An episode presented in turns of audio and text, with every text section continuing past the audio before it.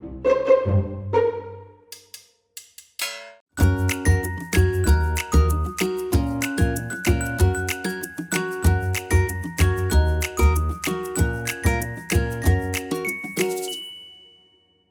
Farkındalık, farkındalık geliştirmek, bilinçli farkındalık sahibi olmak, işte farkındalıkla yaşayan bir insan olmak gibi terimler ortada çok geziyor ama biliyorsunuz yani sıklıkla yaptığımız bir hata var. Genellikle kelimelerin aslında nereden geldiğine ve nasıl anlamlar taşıdıklarına çok bakmadan bu kelimeleri günlük hayatımızda kullanıyoruz. Farkındalık da aslında o kavramlardan bir tanesi. Ben de uzunca bir süre farkındalığı pek yerinde kullanmadığımı, yani anlamının çoğunu ifade edebildiğim ama kaçırdığım az bir anlamın benim hayatımda ciddi bir eksiklik yarattığını fark ettim. O yüzden farkındalık meselesini bir minik açmak lazım. Biz biliyorsunuz açık beyinde bilinçli farkındalık deneyimlerine, bunun eğitimlerine çok önem veriyoruz. Kendimiz hayatımıza yerleştirmeye gayret ediyoruz.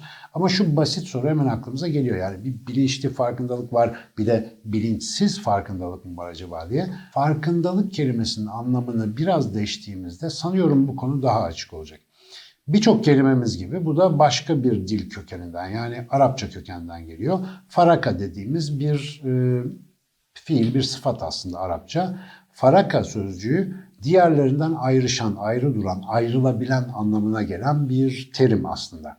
Ve fark etmek, farklı olmak, Mesela tefrik etmek, Türkçe'de kullandığımız böyle çok e, şeyleri de var. Arapça kaynaklı türevleri de var. Hatta işte Kur'an'ın bir ismi olan Furkan mesela kanıt yani ayırıcı tanı sağlayan kanıt falan anlamına geliyor. Mesela günlük hayatımızda çok geçen işte kişi isimleri olarak kullandığımız Faruk mesela değil mi? Faruk Eczanesi gibi. Dolayısıyla yapmadan duramadım ne yapayım. Fark kelimesini biz birçok termihleriyle zaten günlük hayatımızda kullanıyoruz. Şimdi dikkat ediniz e, homojen bir gerçeklik var karşımızda. Yani hiçbir şeyin birbirinden ayırdığı yok. Yani şu masa, benim üstümdeki elbise, işte benim bedenim dışarıdan hiç ayrı değil diye düşünüyorum. Şimdi dolayısıyla ben diye, masa diye bir şeyden bahsetmem mümkün değil. Beni ben olarak ifade etmem için ne yapmam lazım? Zihnimde benliğimi diğer dış dünyadaki nesnelerden ayrı bir yere koymam, ona bir sınır atfetmem ve o sınır içerisinde bu benliği tanımlayarak ona ben demem gerekiyor. Ya da bu masa için de aynı şey geçerli. Dolayısıyla aslında biz dünyayı algılarken zihnimizde parçalara, bileşenlere, unsurlara bölüyoruz ve unsurların her birine ayrı tanımlamalar yapıştırarak dış dünyayı nesneler, olaylar, kavramlar şeklinde adlandırıyoruz. Bu bizim zihnimizin otomatik çalışma biçimi. Mesela siz şu anda bu videoda işte bu konuşmayı izlerken ekranda bir şeyler görüyorsunuz. Benim ağzımdan çıkan sözleri ve onların anlamlarını fark ediyorsunuz.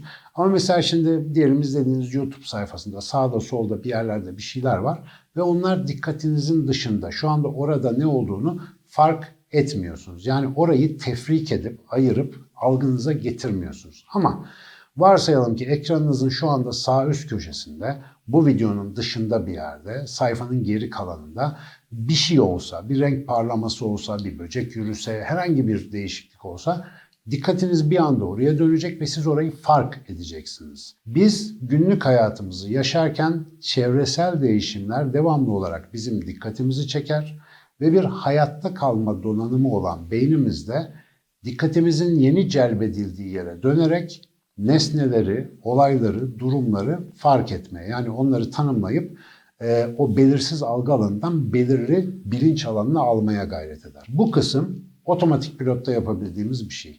Yani şurada parlayan bir ışık, şurada uçan sinek, şuradan geçen bir kedi herkesin dikkatini çeker ve herkes bunu fark eder.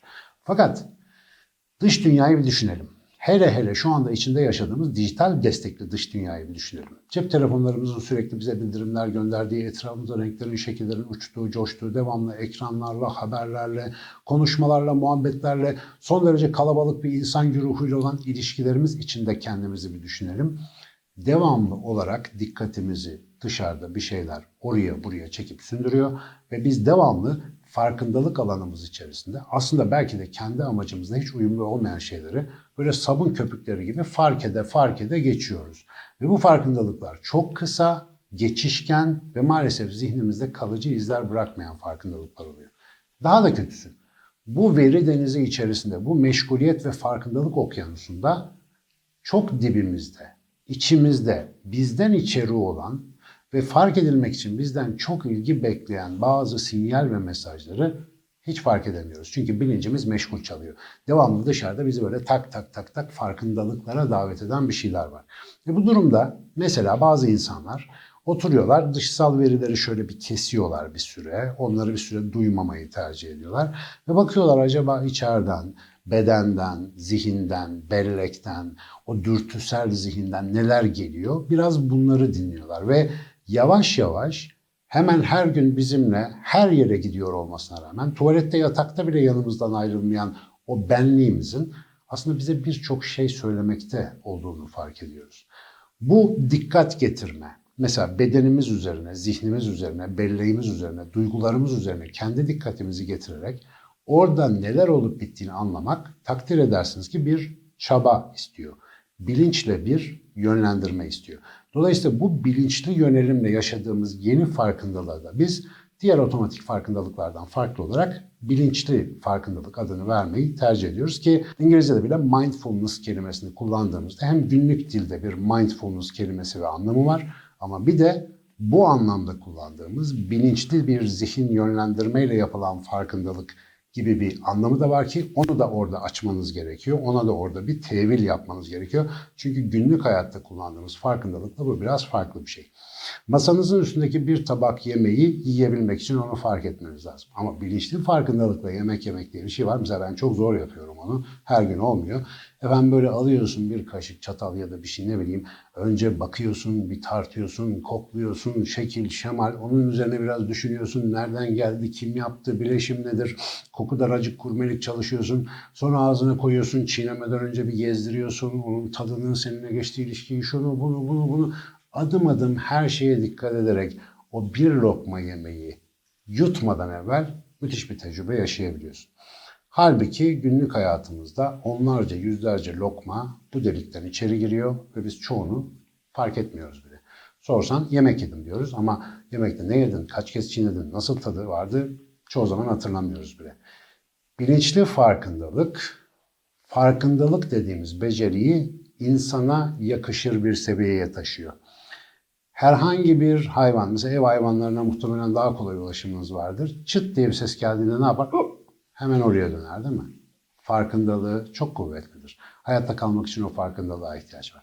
Peki biz de her çıt, pıt, hey, ho diyene dönüp bakmaya devam edersek, zürafadan, gergedandan, kediden, susamurundan ne farkımız kalacak acaba? İnsanın diğer canlılardan ne farkı var sorusuna en çok cevap üretmeye çalışan insanlardan bir tanesiyim ama geçenlerde bir fark fark ettim.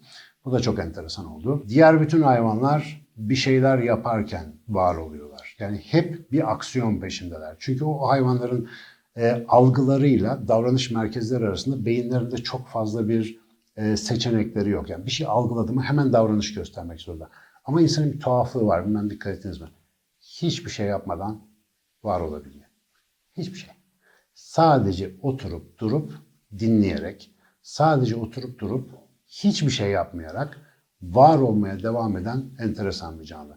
Ve bu özelliğimizin bir amacı, bir faydası, bir hedefi, bir çıktısı olmalı. Ee, ben size söylemeyeyim, istersen e, isterseniz deneyin, bir bakın. Yani durunca neler oluyormuş. Şimdi ballandıra ballandıra anlatsam da size hiç içmemişseniz kahvenin tadını ve onun verdiği hazzı elbette ki anlatamam. Bunun için en kestirme o kahveyi tatmak.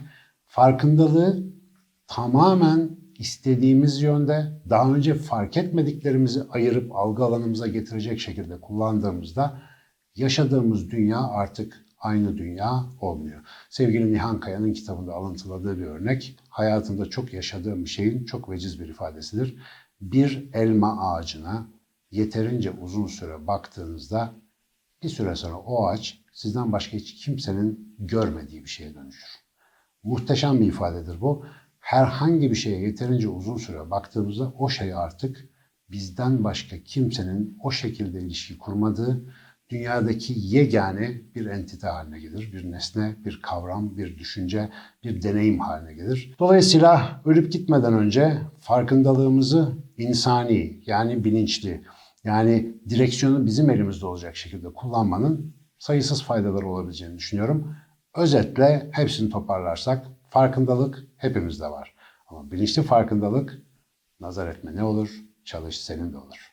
Bu arada tam gider ayak fark ettim. Ee, şu anda fark ettim ki farkındalık kelimesi aslında şu ana akım 1980'lerden beri çok moda olan kişisel gelişim jargonunda ya literatüründe biraz fazla tüketilmiş gibi. Ama lütfen lütfen bu tuzağa düşmeyelim. Bu bizim çok önemli bir becerimiz. Çünkü farkındalıkla bir kere, bilinç, bilinçli farkındalıkla yani bile isteye farkında olarak dünyada herhangi bir şeye, herhangi bir yere, herhangi bir olaya, kavrama, duyguya yeterince baktığımız zaman dünyanın geri kalanı da asla bir daha aynı olmayacak. Bu çok önemli.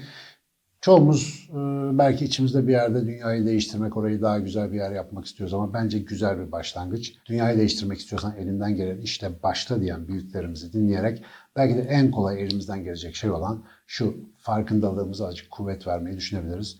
Lütfen evde deneyin.